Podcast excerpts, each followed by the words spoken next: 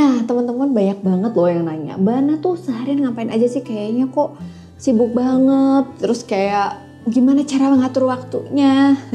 Selama pandemi ini jujur ya teman-teman banyak banget perubahan aktivitas yang uh, aku alami. Yang mungkin teman-teman juga mengalaminya. Instead of kita mengeluh lebih baik kan kita kayak gimana kita beradaptasi sama perubahan itu. Nah, menganalisa kali ini, aku bakalan ngajakin kalian untuk bisa tahu apa sih tips untuk tetap positif dan produktif di masa pandemi.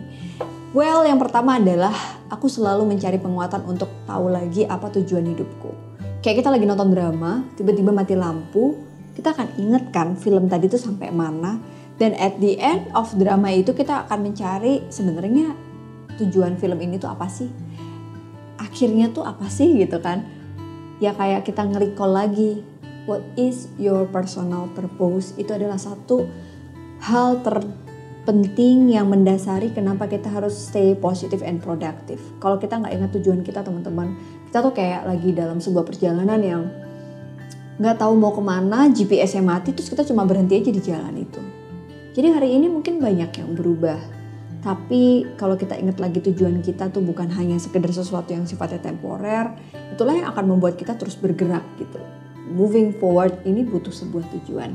Biasanya banyak nih pertanyaan, kalau kita belum tahu tujuannya apa mbak, gimana cara kita mencarinya? Aku tuh kayak sering banget relate atau mencari korelasi antara tujuan hidupku dengan film, buku, obrolan, bacaan, penghayatan, dan even itu bahkan itu cuma sekedar menuliskan aku akan mencari cara itu gitu. Jadi semua aku aku cari korelasinya sampai aku ingat lagi iya iya.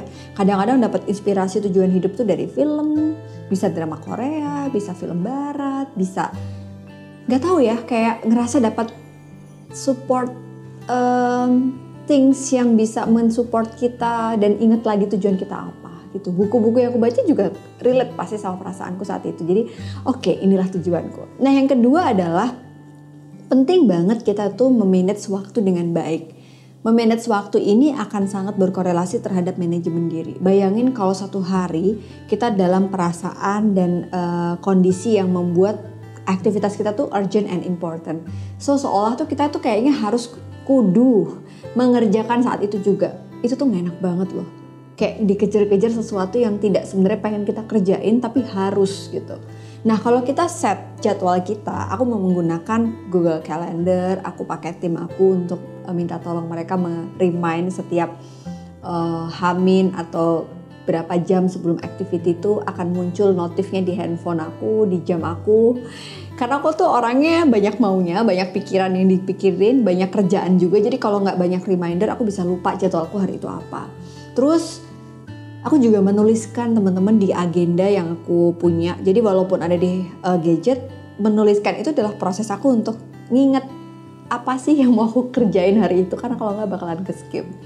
Nah, ternyata memanage waktu itu nggak cuma tentang scheduling ya, tapi kita juga bisa uh, evaluating gitu. Kita bisa lihat seminggu kemarin aku tuh ngapain aja, tingkat produktivitasku tuh berapa. Terus aku kayak kasih ranking gitu uh, seminggu ini tuh aku happinessku sekian, productivityku sekian. Itu harus relate karena kita produktif tapi kita nggak happy.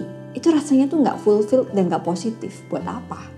Jadi pada akhirnya aku kayak menyadari, oh seminggu ini aku terlalu sibuk, maka aku besok weekend nggak boleh mikirin kerjaan. Nah itu tuh kayak reminder kita buat istirahat dan jeda sejenak gitu. Ternyata efeknya luar biasa loh teman-teman. Ngapain sih untuk ngejer tapi besoknya kita akan mengalami kelelahan karena aku pernah ada di situ. Jadi time management adalah relate kepada self management, stress management gitu. Yang ketiga adalah salah satunya uh, ini cara yang mungkin teman-teman bisa ikutin. Mulai harimu dengan bangun sepagi mungkin.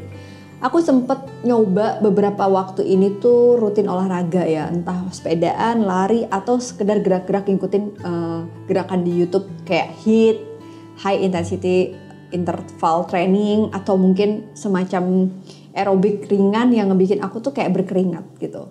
Terus sempet kayak terjeda stop, berhenti dan habis subuhan tidur lagi. Itu rasanya beda banget. Dan sekarang kalau aku lagi males olahraga ya ada ya manusia kayak males olahraga, males gerak, aku baca buku. Pokoknya aku nggak akan membiarkan diriku tidur lagi. Itu yang aku lakukan.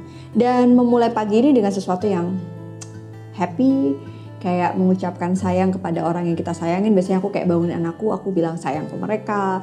I told them setiap pagi pagi ini aja aku bilang sama uh, kakak sama ade tuh kayak betapa mamanya tuh sayang banget. Terus kayak mamanya harus berangkat kerja untuk apa? Itu aku kayak semacam start itu di awal pagi. Dan mengucapkan rasa sayang kita kepada orang yang kita sayang kayak pasangan itu juga penting banget. Pokoknya bangun pagi dan memulai sesuatu yang positif itu penting nih teman-teman. Nah yang keempat adalah coba cari activity untuk jeda di antara rutinitas kita boleh kita sibuk, tapi sibuk belum tentu produktif. Karena kalau sibuk tapi kerjaan kita nggak kelar buat apa gitu kan. Jadi penting loh teman-teman, kita evaluasi deadline, timeline itu penting. Tapi coba kasih jeda di antara activity itu kita melakukan sesuatu yang menyenangkan ini lagi suka banget aku merangkai bunga, aku lagi suka banget beli tanaman, terus kayak ya bolehlah kita ngasih jeda sejenak untuk bisa memberikan perhatian kecil, terus kita balik lagi kepada hal yang harus kita kerjain saat itu. Nah yang kelima adalah ini teman-teman cobain untuk cari suasana baru dan activity baru supaya kita nggak bosen. Karena pandemi ini tuh udah hampir 8 bulan ya. Pasti rasa bosan, kita nggak bisa ke mana-mana, itu yang selalu kita keluhkan kalau kita pikir-pikir lagi teman-teman, sebenarnya kita tuh lagi belajar apa sih? Belajar tentang kesabaran, belajar tentang empati, belajar tentang sesuatu yang nggak tahu dan nggak bisa dimengerti. Nah tapi proses belajar itu tuh memang butuh pengorbanan ya. Makanya kalau kita uh, ngomongin tentang kebosanan ini, pinter-pinternya kita aja buat create something yang membuat kita terus berinovasi. Dan aku ngerasa justru di tengah pandemi ini tuh banyak banget yang aku ciptakan hasil dari pikiran jenuh dan bosan yang tadi aku ceritain gitu. Dan ternyata feelingku itu berubah dengan lebih produktif dan positif. Nah yang terakhir jangan lupa selalu starting uh, to count the blessings. Jadi kayak coba kalau kita tuh pengen ngeluh dan pengen untuk berhenti dari semuanya, hitung berapa nikmat syukur yang Allah udah kasih ke kita. Kemarin aku sempet jalan-jalan ke pasar. Uh, udah berapa tahun ya aku nggak ke pasar tradisional. Terus kayak iseng pagi-pagi aku pengen ke pasar, mumpung sepi. Dan di sana aku menemukan fenomena yang mungkin aku udah lama nggak temukan gitu. Ada seorang nenek-nenek berumur 75 tahun yang menawarkan bantuan buat bawain barang-barang belanjaanku sama kakakku. Terus kayak nenek itu aku tanya, "Mbah, kenapa kok masih mau kerja?" Simple, masih butuh duit. Loh, kan Simbah udah punya anak, udah punya cucu. Ternyata ada sesuatu yang terpancar dari wajahnya bahwa ketika dia bisa memberi, ketika dia bisa menghasilkan, ketika dia bisa bekerja, bekerja dan berkar, menghasilkan uang, itu tuh kayak semacam bukan uang aja gitu. Tapi bagaimana produktivitas dia di usia 75 tahun itu. Berkah banget, semoga usia dan juga kerja keras Mbah Sarmin namanya. So teman-teman itu jadi kayak pelajaran juga buat aku nampol banget kalau aku lagi pengen berhenti dari rutinitas karena capek. Aku lihat aja Mbak Sarmin tadi, masa sih kita yang masih umur 20, 30, 40 malu dan kalah sama mereka yang umurnya 75 dan gak pernah ngeluh sedikit pun. Jadi bersyukur adalah salah satu kunci kita untuk selalu positif dan produktif. Semoga 6 tips tadi bisa jadi uh, referensi teman-teman yang sekarang bingung nggak sabar pengen segera balik kayak dulu ya. Tenang, sabar. Kita semua pada situasi yang sama. So, jangan lupa stop untuk complaining and then solving the problem keep positive and productive. Thank you ya yang udah nonton Alisa Channel. Semoga kamu ini juga kegiatan yang bisa jadi salah satu agenda kamu ya. Boleh dong di-share di sini kira-kira 6 hal apa yang membuat teman-teman sekarang di tengah pandemi ini tetap positif dan produktif. Terima kasih. Assalamualaikum.